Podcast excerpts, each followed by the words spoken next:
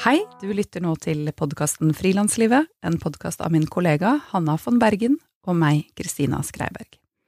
Hanna er kulturarrangør og musiker, og jeg er journalist og fotograf. Men vi begge er egentlig poteter, eller jeg kan kalle, kanskje kalle det multitalenter, som jobber med veldig mange forskjellige prosjekter. Og vi syns det er så utrolig viktig å kunne ha en åpen samtale om hva det innebærer å drive for seg selv og om det å skape, og kraften som ligger bak. Derfor lager vi denne podkasten. Vi håper du har glede av den.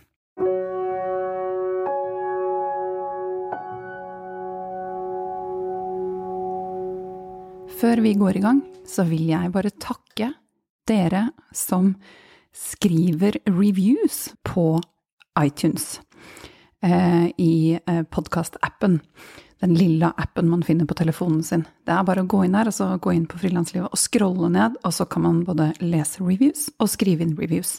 Jeg vil gjerne lese opp et review fra How Art You Today, som jeg har fått i iTunes.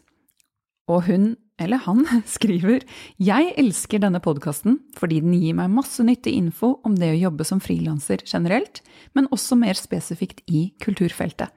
Jeg er nyutdannet og ny i frilansgamet, så dette er kjempenyttig å lære mer om gjennom andre sine erfaringer. Også i et deilig podkastformat, da. I tillegg er det inspirerende å høre andre som jobber som frilanser.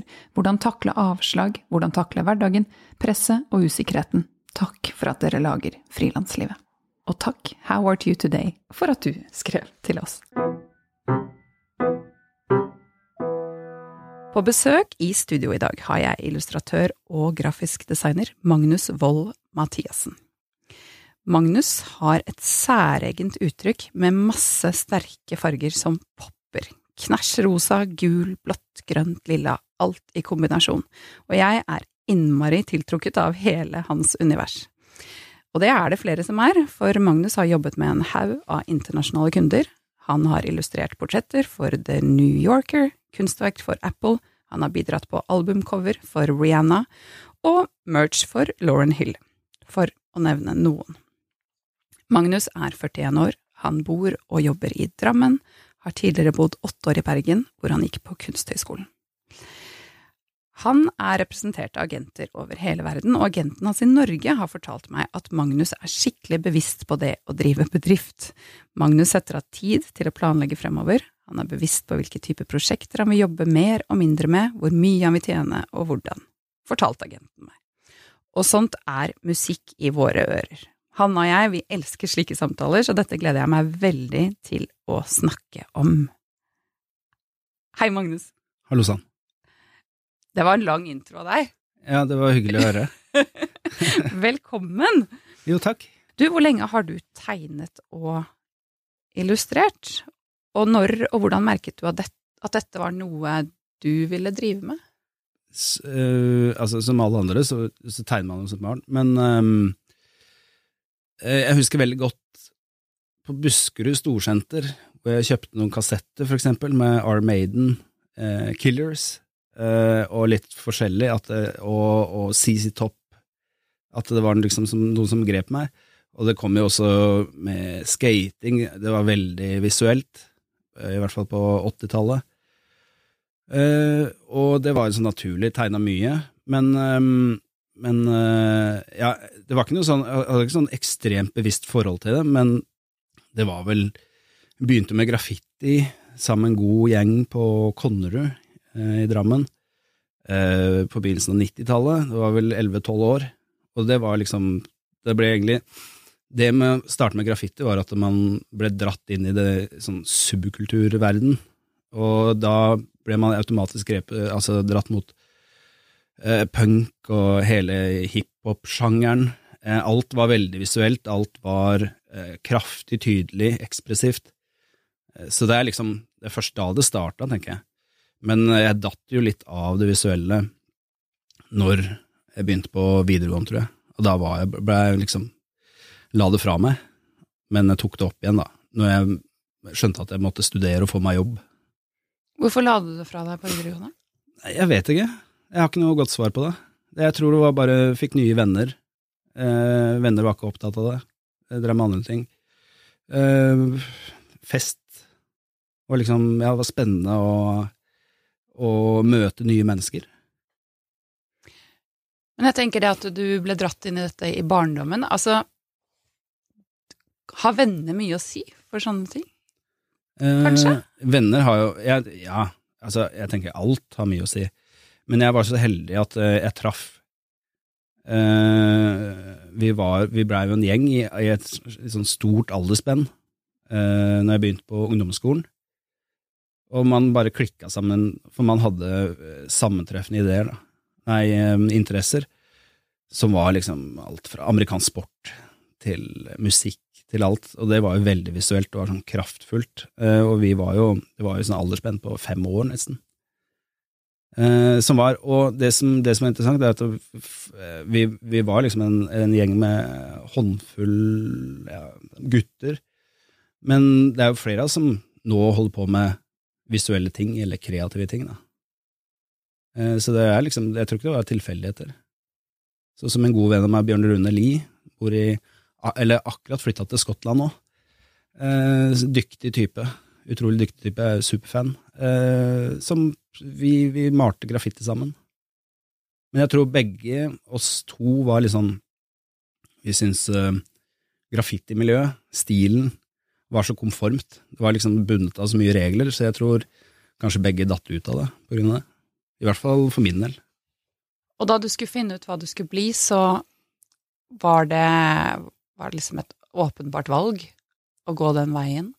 Eh, det var åpenbart eh, på grunn av jeg visste det var ikke Jeg hadde ikke så mange interesser. Jeg hadde ikke interesse av noe som helst, egentlig. Og jeg tror litt det at eh, eh, Jeg var ikke interessert i å sitte på et kontor, da. Jeg har jo endt opp på kontor nå, da, men, eh, men eh, sånn er det å bli voksen. Men eh, Nei, jeg, det var liksom Ok, eh, det var det jeg hoppa på. Uten Altså, ikke sant, jeg har jo drevet med grafisk design. Eh, Det starta først med det eh, når jeg begynte å jobbe, men når jeg var 20 år, så visste jeg ikke hva grafisk design var. Jeg hadde liksom Altså, jeg har aldri hatt hva skal jeg si, et voksent, kreativt miljø rundt meg. Bare normalt forstadsliv. Bra oppvekst. Eh, men, men eh, Så det var liksom gjennom venner hvor man oppdaga ting. Men eh, utover det så var det liksom ikke noe Det var ikke noe sånn, eh, hva skal jeg si, kulturelt nettverk. Det var ikke noe Vokste ikke opp med en bagasje, sånn sett. Så, jeg, så hva skal jeg si, eh, blomstringa kom veldig seint, og alltid måtte finne ut av ting selv. Men det er litt sånn, sånn frilanslivet er, da, at man må eh, finne ut ting selv. Spørre, spørre, spørre. Ja, det er kanskje bra å ha det med seg fra start. Jeg tror, jeg tror det viktig, jeg tror det kan være bra å ha en sånn veldig lyst, en veldig sånn hunger etter ting, da, og finne ut ting. Når man har en sånn hunger, så lærer man fort. Da. Man spør, og det er liksom Og det, det er rett og slett um, nå, Akkurat som når man ikke har lært seg å prate i forsamlinger, så er det bare når man må lære seg, hoppe ut i det. Eh, og det var jo sånn i begynnelsen, så hadde jeg, jeg hadde jo angst for å prate foran mye folk, men det er bare, så lenge du liker det du prater om, så går det av seg selv. Og ikke, hva skal jeg si, ikke høre på sin egen stemme, men bare lar det flyte. Du bor i Drammen? Ja. Eh, og har flyttet tilbake til da, der hvor du vokste opp, eller? Eh, ja, altså, ja, jeg flyttet tilbake til Drammen, jeg var født og vokst der. Men det var jo, for jeg, eh, hva skal jeg si, jeg flytta, eh, flytta fra Bergen, eh, og eh, målet var da liksom, siden jeg skulle jobbe internasjonalt, så trengte jeg å bo litt internasjonalt, eller, eller bo i Oslo, der det skjedde. Der liksom det kreative miljøet er. Om Det er var- Drammen? Eh, altså, jeg, Drammen skulle bare være et transittsted. Eh, så det var liksom, skal jeg bo i Oslo, eller skal jeg bo i Berlin, eller London, eller hvor er det jeg skal? Men det som skjedde når jeg kom til Bergen, var, nei, til Drammen, var jo at eh, jeg, det var jo noen eh, Det var jo noen gamle venner der, som da bodde. Etter hvert så har det kommet mange tilflyttere, og ja, så nettverket har blitt kjempestort der nå. Men, eh, men eh, det, som, det som skjedde, var jo at eh, det var jo eh, på den tida utrolig dødt. Altså kreativt.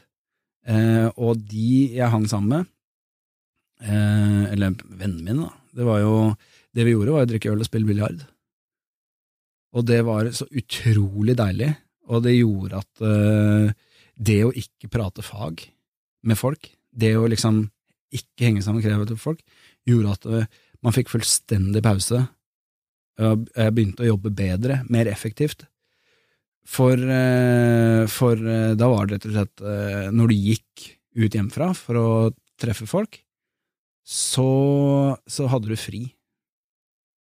Eh, og det Jeg tror det å eh, Det for meg å bo et sted hvor det ikke er eh, Si Oslo, for eksempel, hvor jeg, møtt, hvor ville møtt folk og prata, prata fag, det har gjort at jeg jobber bedre, mer effektivt og mer reflekterende.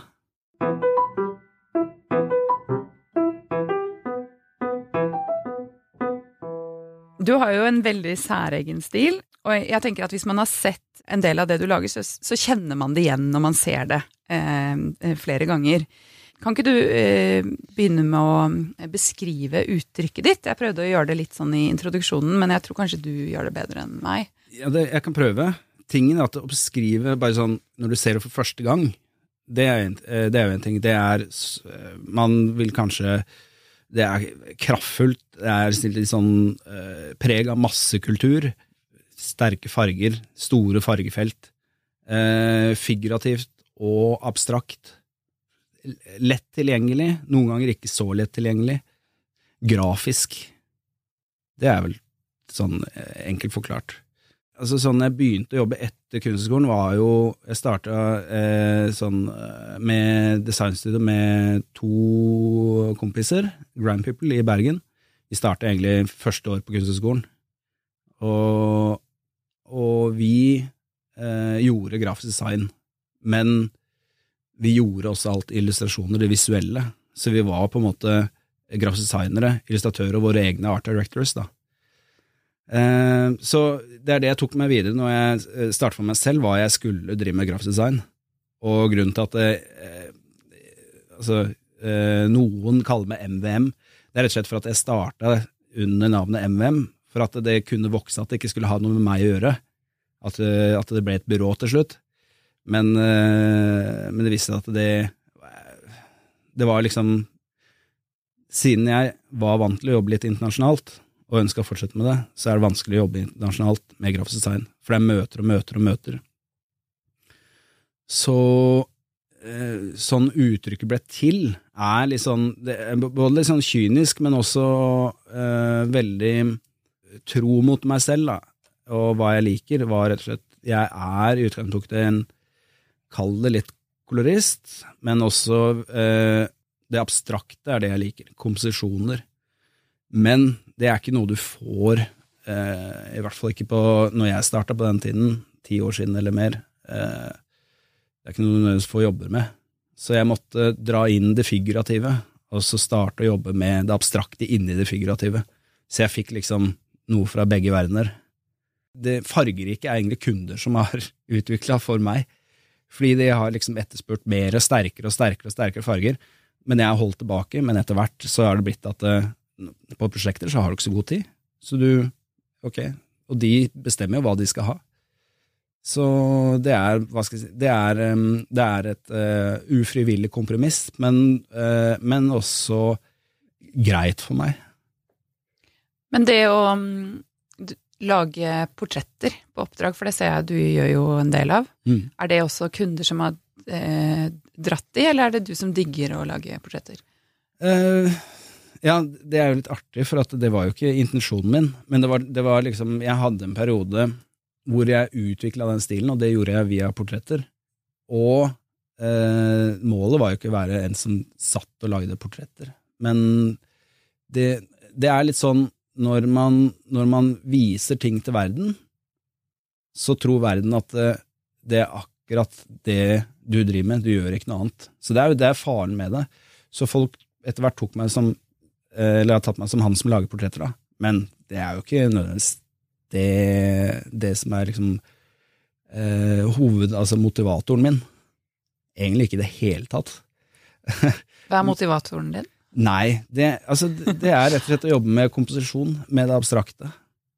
Det er det per nå, eller i dag, som gir meg noe, og egentlig som, er, eh, som jeg har jobba med eh, de siste 20 årene, egentlig. Men det er ikke nødvendigvis det eh, hva man Altså, når man jobber kommersielt som meg, hva du liker, er ikke nødvendigvis det resten av verden liker.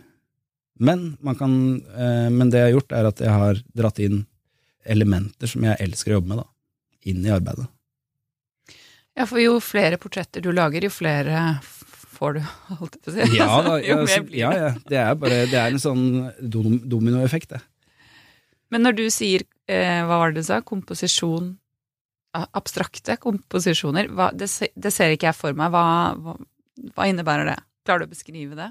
Nå, nå skal vi, eh, dere lyttere, vise mye av Magnus sine ja, illustrasjoner og verker på Instagram, da, i løpet av, altså sånn etterkant av denne episoden, så dere kan sjekke der, og så via det sjekke enda mer, bare så dere får et visuelt bilde av det. Men det er gøy å høre deg beskrive det litt òg. Jeg, jeg kan bare si det så enkelt at uh, med arbeidene som du, som du starta, var jo Hvis man tok et, si et portrett, da, og, og tok utsnitt av det, så skulle man skal man kunne se Lage sine egne komposisjoner. At det eh, fungerte abstrakt.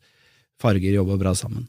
Men, eh, men eh, det, er alt, det er alltid det, er ikke alltid det går sånn. Og skal det gjøres skikkelig, så trenger jeg lang tid.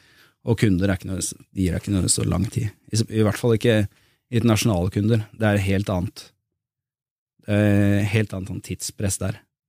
Eh, og det er derfor det er blitt litt sånn det er blitt. Hadde det vært norske kunder, så hadde det vært en annen ting. Men får du utløp for den eh, det mer abstrakte sånn på siden? Eller når får du dyrket det?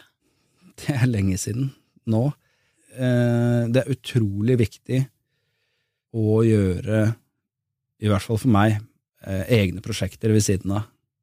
Eh, det eh, fordrer at man har tid og penger. Altså, det fordrer først og fremst at man har penger, for du må sette av tid. Uh, og det er jo en måte jeg tidligere har styrt uh, kundemassen på, da. Uh, og det er eneste måten du kan gjøre, eller i hvert fall for min del, eneste måten man kan gjøre det på, er å gjøre de, og legge det ut, vise det fram til verden. Rett og slett styre retning på hva man gjør. Ved å vise at du gjør det. Altså vise en evolusjon i arbeider. Eh, for da kan du potensielt få nye kunder som plukker opp det, og så får du en ny eh, kundegruppe. Men det er tingen at det, de siste tre årene så har ikke jeg hatt anledning til det. Jeg har ikke hatt tid, for har så, det har vært så mye på, på siden av jobb. Kjedelige, kjedelige, kjedelige greier som, som renovasjon og sånn oppussing og bare sånn Jeg syns det har vært helt fantastisk, for jeg kunne slippe å jobbe eh, for kunder.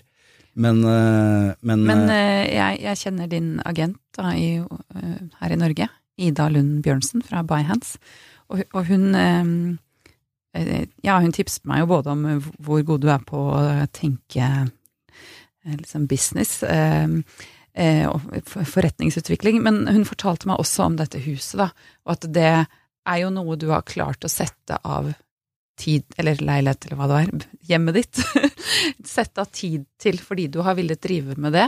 Som, det er jo også en måte å kunne få realisere eh, ting på siden som man Ja. egentlig vil, da. ja, ja. Jeg Eller tror, jeg, person, personlige prosjekter ja, på det, hjemmebane. hjemmebane har vært et personlig prosjekt, egentlig. Og jeg tror det er, har, har vært litt å, å rømme fra eh, kunder. Og for at eh, jeg jobber heldigitalt, og eh, å bare sitte på rumpa hele dagen, dag ut og dag inn, er litt kjedelig. Så, så det er nå, nå besitter jeg en sånn verktøypark som en tømrer verdig. Eh, og Så kult. jo, kult og eh, Ja, det er altså, Men jeg Og skills. Ja, man, eh, læringskurven var bratt. Men, eh, men sånn, det kulminerte liksom litt i Sånn som i fjor, så tok jeg meg et halvt år fri. Og eh, inkludert sommerferie, da. Eh, eh, rett og slett bare for å ikke jobbe. Og så bare snekre og, og For jeg tror jeg, jeg var, har vært så lei av sånn ultrakommersielle jobber at jeg trengte noe fullstendig annet. Og det var også få tid til å tenke på nye retninger man kan, eh, man kan jobbe. Det har båret frukter, da. Ta fri fra jobb, sånn for å tenke på noe helt annet. Det dumme var jo at jeg ikke gjorde det i koronaperioden, da. Så nå er det sånn at jeg eh, liker høyt tempo, og jeg er litt sånn, nesten sånn sesongarbeider. Jeg elsker å jobbe eh, hardt over sånn korte perioder, eh, og jobbe masse om vinteren, og ta lang sommerferie. Eh, dele opp sånn, da. Og ikke sant, utnytte sånn som på vinteren, så det er bare mørkt. Det eneste du kan gjøre, er å gå på ski. Eh, så da er det liksom greit å jobbe. Men eh, det der å ta et sånt, ja, hva var det du sa, nesten et halvt års avbrekk, Ja. og renovere eh, eget hjem, eh, hva, altså hvordan fikk du realisert det? Hvordan, Sånn økonomisk, eh, og eh, det er jo en viss risiko ved å si at jeg er utilgjengelig, eller å gjøre seg selv utilgjengelig, da. Eh, ja, det er risiko. Men noen ganger må man bare ta det Ta den risken. Noe som er vondt, det er å liksom konstant skulle tenke på å skulle klare å betale regninger og sånn. Mange lever i den situasjonen, eh, og den situasjonen har jeg selv vært i. Og, men det er også noen av de mest produktive periodene i mitt liv, når det har, liksom, når det har vært sånn.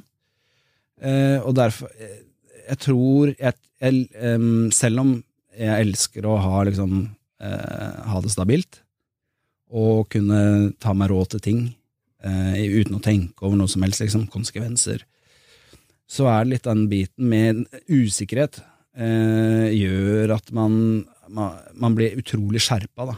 Eh, spesielt på hva man trenger, hva man vil, hva, hva omverdenen vil av deg.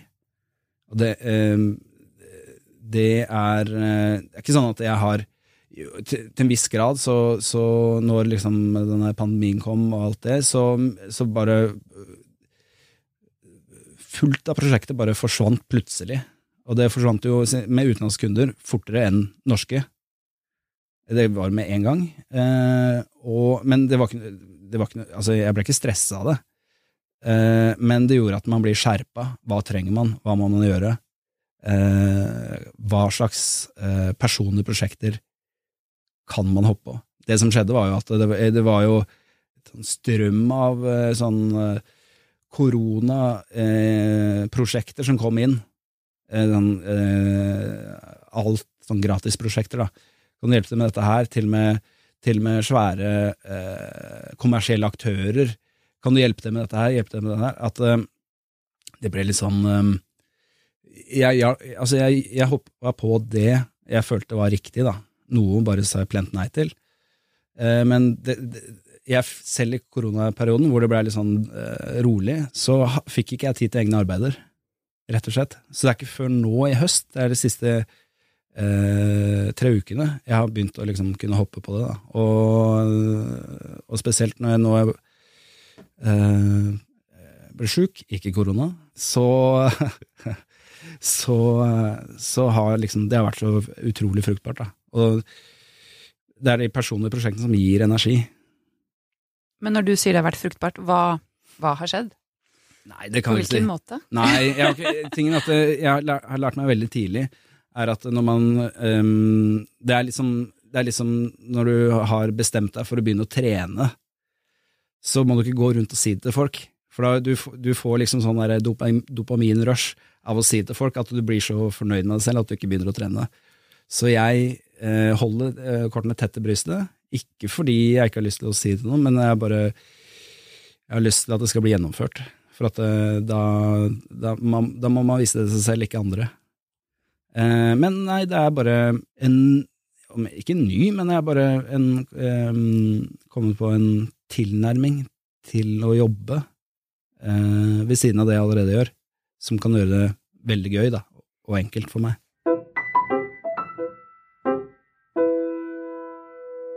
Men når går du og får disse nye tankene om nye retninger eller veier å gå? Altså sånn, når du snekrer, eller setter du deg ned liksom, nå skal jeg tenke over veien videre, eller er det, er det sånn når, når skjer det for deg? Altså, jeg har hatt en eh, utrolig sånn bevisst forhold til eller øh, prøvd å finne ut av hva jeg liker, og hvorfor jeg liker ting. Og det er et prosjekt jeg har, hva skal jeg si, et sånt tankeprosjekt jeg har holdt på med i 20 år nå. Og jeg kommer egentlig aldri i mål med det, men det er hele tiden Det går litt på sånn derre Være litt sånn øh, tilbakeskuende på sine egne ting, og se, se, se hva man gjorde før, øh, og prøve å finne ut av det, sette, sette på et sånn kart et sånn mentalt kart. Og jeg ser jo veldig, altså utrolig mye som går igjen, er jo eh, fra graffitiperioden, fra liksom, fra hvordan jeg oppdaga platecover når jeg var eh, unge, altså sånn voksenmusikk, metallmusikk og alt den, den biten der, og det subkulturelle. Men du nevnte litt det at man blir ekstra kreativ når man har eh, mange Når det er litt risiko forbundet med det. Savnet du, etter flere år med å drive for deg selv, og, for du har jo blitt ganske etablert, at uh, en følelse av at noe står på spill? Liksom, har det blitt for lett å drive for deg? Det er egentlig et ganske godt spørsmål, for det er noe jeg stiller meg hele tiden selv. Altså, jeg er ikke så glad i den greia når ting bare går av seg selv, for da har man ikke noe kontroll over det. Da, da vet man på en måte ikke utfallet av det da, over, over, lang tid, hvor det ender, eh, når man bare leverer den samme type jobben om og om, om, igjen. Jeg tror liksom den biten å eh, Rett og slett, hvis det blir Si, nå har jeg gjort den samme type jobben en stund, og det plutselig ikke, ikke, ikke er noe etterspørsel etter det, så, så, så trigger det en sånn forsvars- eller en sånn overlevelsesmekanisme som gjør at du må Eh, analysere, gå gjennom eh, hva man gjør. Og, og, for meg så er det veldig sånn, jeg ser veldig godt hva som blir mottatt og, og, godt og ikke godt, og det er jo der hvor jeg har liksom eh, De arbeidene jeg gjør, hvor jeg føler sånn veldig eierskap til, og som jeg har liksom lagt litt sånn blod og tårer i, de, de blir plukka opp, de, de legger folk merke til. Mens når det er bare på autopilot, så blir folk lei det. Det er jo godt det er, det er sånn det funker. Ja, ja, virkelig. Egentlig. Ja, ja, absolutt.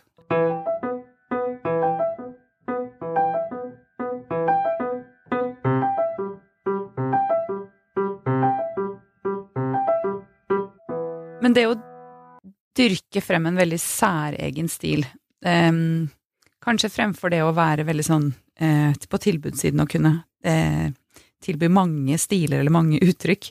Eh, hvor viktig har det vært for deg med tanke på å bygge opp eh, deg, eller ja, det du gjør som en merkevare? Tingen er at jeg har aldri tenkt på meg som merkevare, men det er, det er vel en sånn label man kan putte på veldig mye om dagen. Men jeg, det starta egentlig ganske tidlig det var noe, i Bergen. og det var eh, Hvordan i alle dager kan man få seg jobb? Og vi liker jo ikke det som skjer i Norge nå. Det er så kjedelig. Eh, men det vi er interessert i, det er det vel ikke noe marked for. Men det bør være det. det så vi, vår tilnærming var at vi må, vi må få oppmerksomhet i utlandet. Altså, bli, man blir ikke profet i sitt eget land. Så vi, vi, vi, klarte det, da. Skape litt sånn Ble publisert, ble skrevet om. Så ja, det var en strategi, da en bevisst strategi, og det er på en måte noe Det går litt på den og Du nevnte jo at dere er poteter, og det er liksom Jeg har den motsatte tilnærmingen, da. Å være ekstremt eh, nisje og utvikle noe. et sånt formspråk, en tilnærming som, som ikke passer alle, men som passer spesifikke ting. da. Og det er rett og slett for å være tydelig, at uh, man ikke blir spurt om å gjøre ting man ikke liker. Uh, for ofte når man må gjøre ting man ikke liker, så bruker man veldig lang tid på å forstå hvordan man skal løse ting. Eh, mens det med å være nisje, så når man går i dialog med noen for å lage noe sammen, så har man allerede liksom fjerna det ene steget i prosessen, for de har valgt deg. Å velge noen er jo en del, det konseptuelle. Man er en del av det, den, det konseptuelle. eh, i en prosess, men man har fjerna det leddet, for man har allerede funnet meg, da. Eh, så da er det egentlig bare begynne rett, altså begynne rett på jobben og, og starte. Man, for min del så har det vært viktig for å spare tid, da. I, men også eh, for å slippe å jobbe med de som krever noe av deg som du ikke egentlig liker, eller ikke er i stand til å eh, hjelpe. Jeg blir alltid litt misunnelig på folk som klarer å være veldig nisje, eh, eller klarer å la være å være potet. Eh, fordi for Hanna og meg så handler det om at vi syns så mye er spennende. Det handler ikke for min del om å Eller jeg har sluttet å ta ting som jeg ikke liker for flere år siden, så det er mer det at jeg syns det er gøy å formidle på mange måter gjennom eh, samtaler, foredrag, workshops, podkast, skriving, foto, at det er eh, spennende Altså at det er et stort spenn i det å formidle. Men jeg merker at jeg bruker veldig mye energi på å snu meg fra den ene oppgaven til den andre, eller å sette meg inn i nye ting. Eh, fordi jeg på så mange flater har lyst til å vi videreutvikle eller nå nye ting, eller Så jeg kjenner at jeg er ofte i den eh, litt sånn eh, Hva var det vi kalte det? Litt sånn risiko, eller eh, der, der, hvor det krever noe av meg, ofte. Du fortalte meg før vi kom inn i studio her, at du har en kompakt forretningsplan som blir revidert og oppdatert for hvert år. Ja. Hva, hva, hva, hva innebærer det? Hva, er i en sånn forretningsplan? Nei, Forretningsplan er jo akkurat det samme som alle andre, altså som bedrifter har. Skal man eh, ha kontroll på et eh, stort system, så trenger man forretningsplan. Uh, og alt i en bedrift, altså for å styre det, sette i, hele toget i en riktig retning, og det er litt sånn som, det er litt sånn som meg. Jeg har eh, Altså, jeg eh, Jeg kan virke kalkulert og veldig sånn bestemt, men i, når gjennom året, når jeg jobber, så er det viktigst for meg bare å jobbe og, og være dypt i det prosjektet og, og, eksperimentere og utvikle. Og i det, i det store hele så, så eh, glemmer man eh, alt rundt administrasjon og ja, sånne ting. Eh, men jeg kan, jeg kan, jo bryte ned hva denne her um, Det er manual Det er jo sånn, det er en fysisk manual jeg, jeg fikser hvert år. Eneste er at det siste året, de siste to årene så har ikke jeg gjort så mye med det, for det har vært så mye annet. Så det er, det er, så, det er, det er ganske enkelt, for sånn, sånn det er.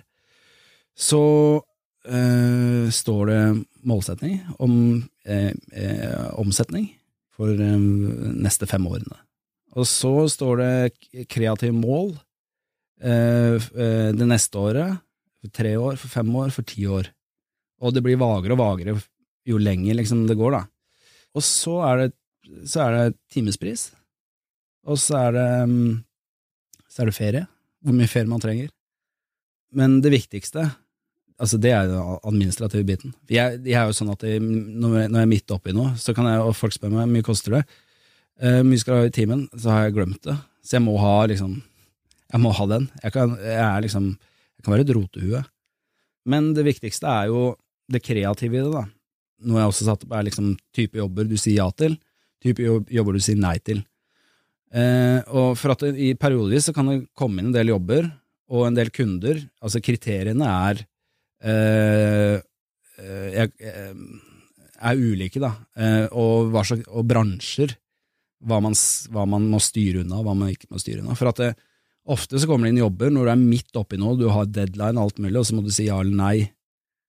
Og noen ganger, eller veldig ofte, så har jeg sagt ja til ting som ikke har vært bra for meg, som stjeler tid, energi, alt mulig.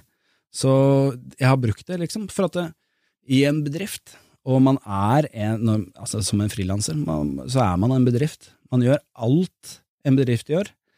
Eh, alt fra administrative, kreative, strategi, alt mulig. Selv om Samme om du Om man er et rotehue, en romantiker hva du enn er, så, så opererer man som en bedrift.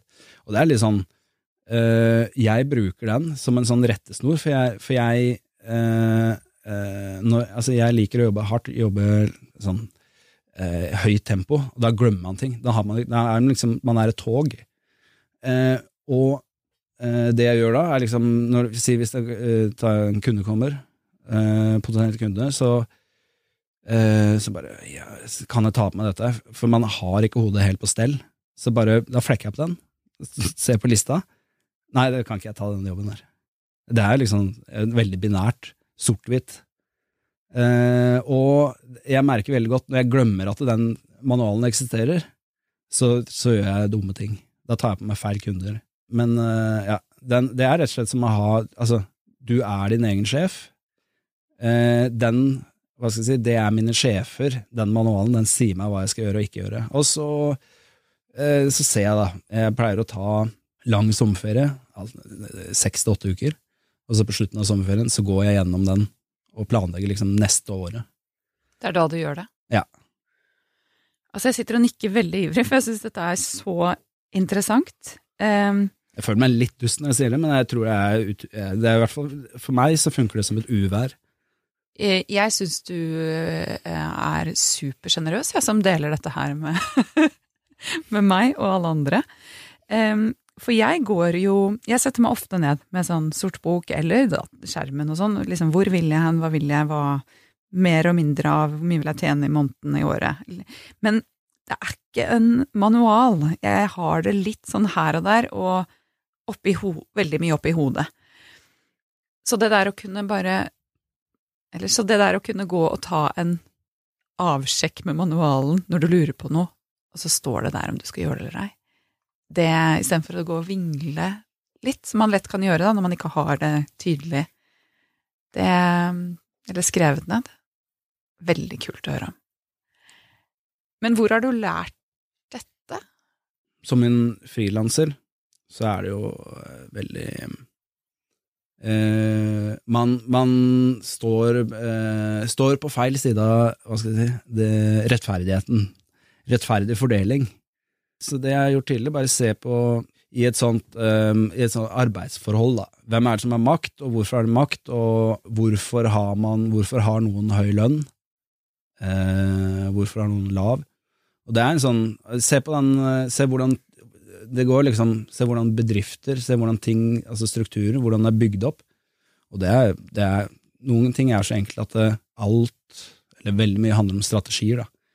Så da gjelder det å, å legge en strategi for seg selv. For at strategier er ikke sånn Det er et verktøy, eh, ikke eh, Det er For meg så har det vært viktig å ha et sånt verktøy, eh, for det frigjør så utrolig mye tid. Eh, det gjør at jeg slipper å tenke på eh, så mye ting. Og det er også sånn, den er enkel, og den er en sånn, hva skal jeg si, en sånn forretningsplan som det, en strategi, en manual, gjør at uh, det er utrolig mye enklere å si til kunder eh, jeg må ha mer, må ha mer penger. Fordi det står i denne her.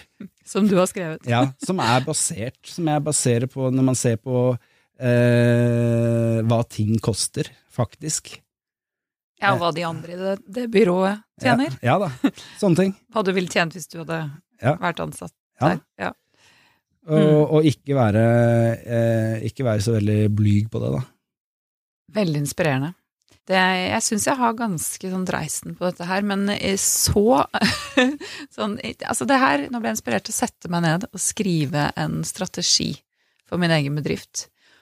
Og vi har gjort det for frilanslivet. Kanskje fordi vi er to, og fordi vi vil vite sammen hvor vi vil, hva vi vil om noen år, hva, hvordan vi vil Vil vi bare lage noen episoder, eller vil vi ta det videre? Så det er jo utrolig lurt. Men det, du forteller at du er en rotekopp. Du har jo skapt noen veldig gode rammer da, for å klare å være en rotekopp og drive for deg selv? Uh, ja. Altså, jeg er, jeg er, uh, um, jeg er et rotehue når jeg er midt oppi noe. Da er ikke ting rundt meg så veldig viktig. Uh, så enkelt er det. Altså, jeg hater rot, men jeg roter som et uvær. Så det er litt denne, den biten gjør at uh, man, har, uh, man, har, en mor som kjefter på det. Men den moren har man liksom skapt selv, da. Den, den derre bedriftsmoren.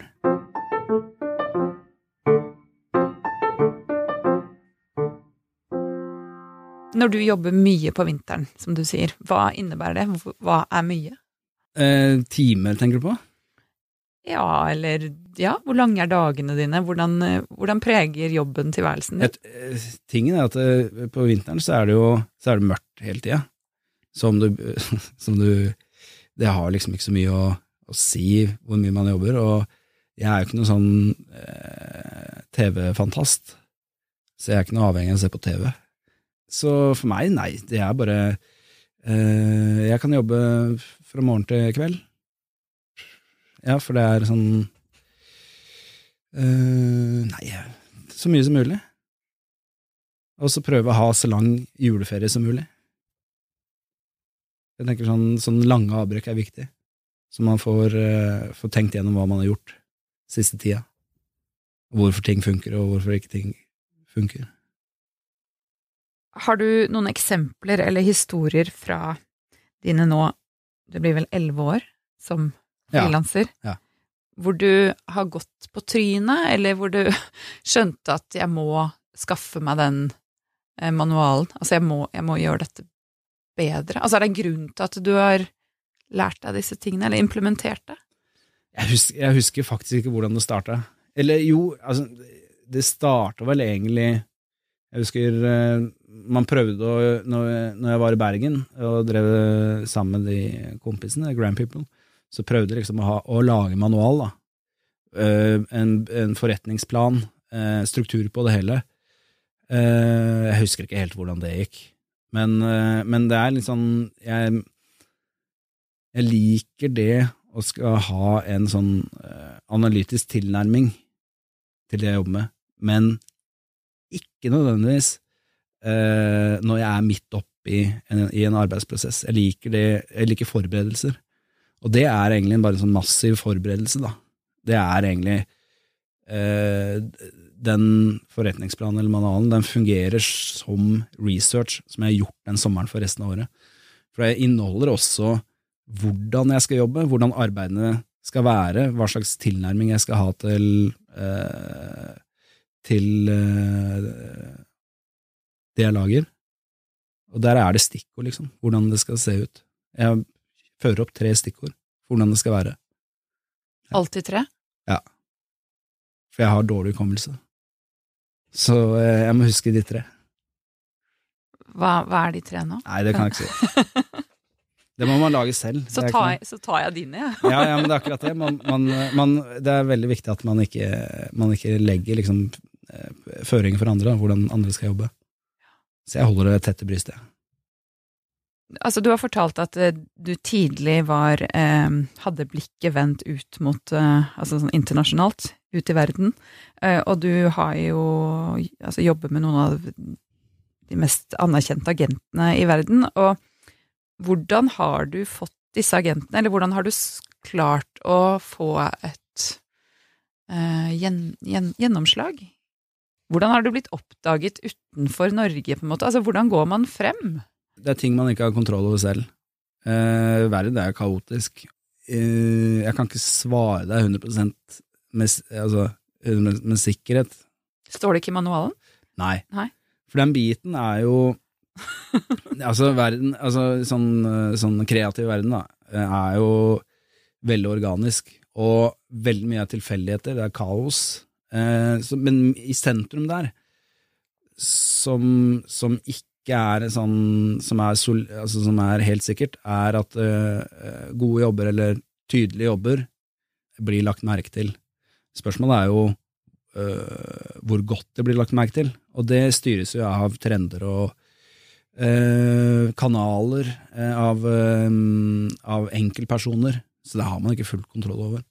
Men for min del så var jo det med agenter, det var, det fant, det var veldig tidlig, og det var en det, det, er, det er en unorsk greie. Heldigvis har vi Byhands i, i Oslo her. Starta egentlig syns forholdsvis tidlig med det. Men det er i utlandet, sånn i England, så har det eksistert i alle tiår. Altså, det er, det er sånn det har fungert. Har det, altså, agenter har på en måte vært en sentral for hvor, hvor kunder har plukka opp eh, arbeidstakere, nesten. Men det som har skjedd det siste si, med, med, med, med, illustrasjon og sånn øh, visuelle ting, er jo at man har fått veldig sånn mer sånn øh, skarpe, veldig tydelige øh, agentprofiler rundt omkring i verden. alt fra London, New York og ja. Og det har seg sånn at spesielt for 15-10 år siden så starta vel det, da. Og det var vel egentlig samtidig på den tiden, så kjente jeg til og noe og sånn Hugo Marie i New York. De har jo starta noen jeg kjente litt til, og så de jeg, det, var, det, var, ikke noe mer enn at jeg bare sendte en e-post, og jeg stilte spørsmålet eh, hvordan eh, tar dere inn folk? Hva er liksom, hva er? Så, men tinget var Hei, Magnus. Eh, kult at du har kontakt. Jeg tror det var noe sånt nå. Eh, for jeg kjente jo, kjente jo, til de som starta det. De kjente meg, så det, det, gikk jo ganske greit. Og så, eh, så Ida i Byhands sa jeg eh, Jeg tror jeg sa Ja, nå må, ta, nå må du dra meg inn i stallen, ellers så går jeg andre steder. på tull, da. Men, men, men så det så, Da har jeg vært i ti år der, eller noe sånt nå, jeg vet ikke. Og så har, har, andre agenter har på en måte tatt, tatt, kontakt med meg og spurt om jeg skal bli med. Og jeg har alltid jeg er, ikke, jeg er ikke sånn at eh, jeg hopper på det første beste, men jeg liker å se liksom For jeg har Om man ikke blir kompiser med agenten, så er det fint om man har en en, sånn, en fin dialog, da, og ser an eh, hva de gjør, og eh, hvorfor de gjør ting. For de må jo ha eh, Det må jo liksom være sammenstilt med dine ideer, dine ønsker også, hva de holder på med. Eh, så Men det er, det, er, eh, det, er, det er jo noen land jeg ønsker å få med agent, men jeg har ikke funnet det som har følt riktig. da. Men eh, det virker som du er veldig sånn, bevisst på hva som passer for deg. Og som du sier, at du ikke bare hopper på en mulighet. Altså du vurderer, og du er nøye på at det liksom er en riktig match, at du skal ta den jobben for den kunden, at det blir riktig. Um, liksom kompromissløs på sånne ting, eller? Nei, jeg tror ikke det. Jeg tror det er å verne om Verne om seg selv. På den måten at uh, når man jobber kreativt, så har eh, jobben eh, ekstrem innvirkning på deg som person, da, på privatlivet ditt. Det vil si at um, det er jo ikke, det er ikke sånn åtte-fire-jobb hvor, uh, hvor, man krangler litt med ene kollegaen, eller uh, man syns det begynner å bli litt sånt.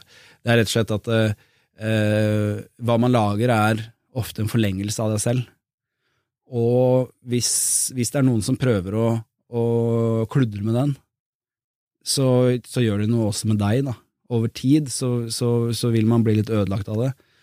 For meg er det veldig viktig å, å ha full kontroll på det.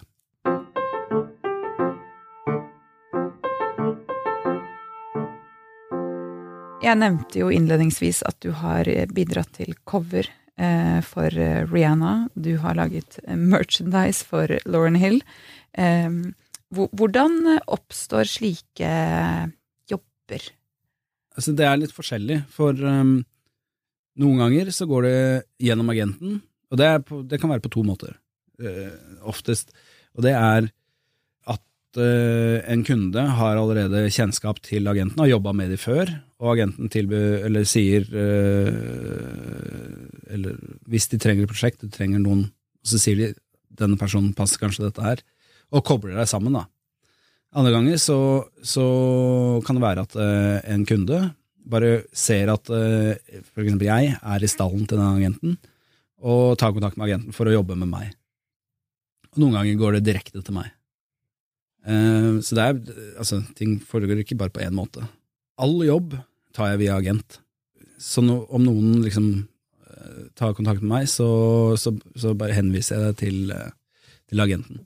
For agenten er jo der for å utforme kontrakter, følge opp og sørge at tidsfrister blir satt, og tar hele sånn. Altså, Nå er det sånn, Agenter tar jo en cut av honoraret, totalhonoraret, og for meg så er det sånn at det er det er det det ville kosta å ha noen som tar seg av administrasjon. Så det er i hvert fall sånn jeg gjør med alle kunder, og det er eh, eh, Deilig, da. Ja. Nei, men altså, det må være sånn. For at eh, før agenttilværelsen så hadde jeg Så kunne man sitte ofte eh, halve uka med å gjøre administrative ting. S eh, sitte med kontrakter.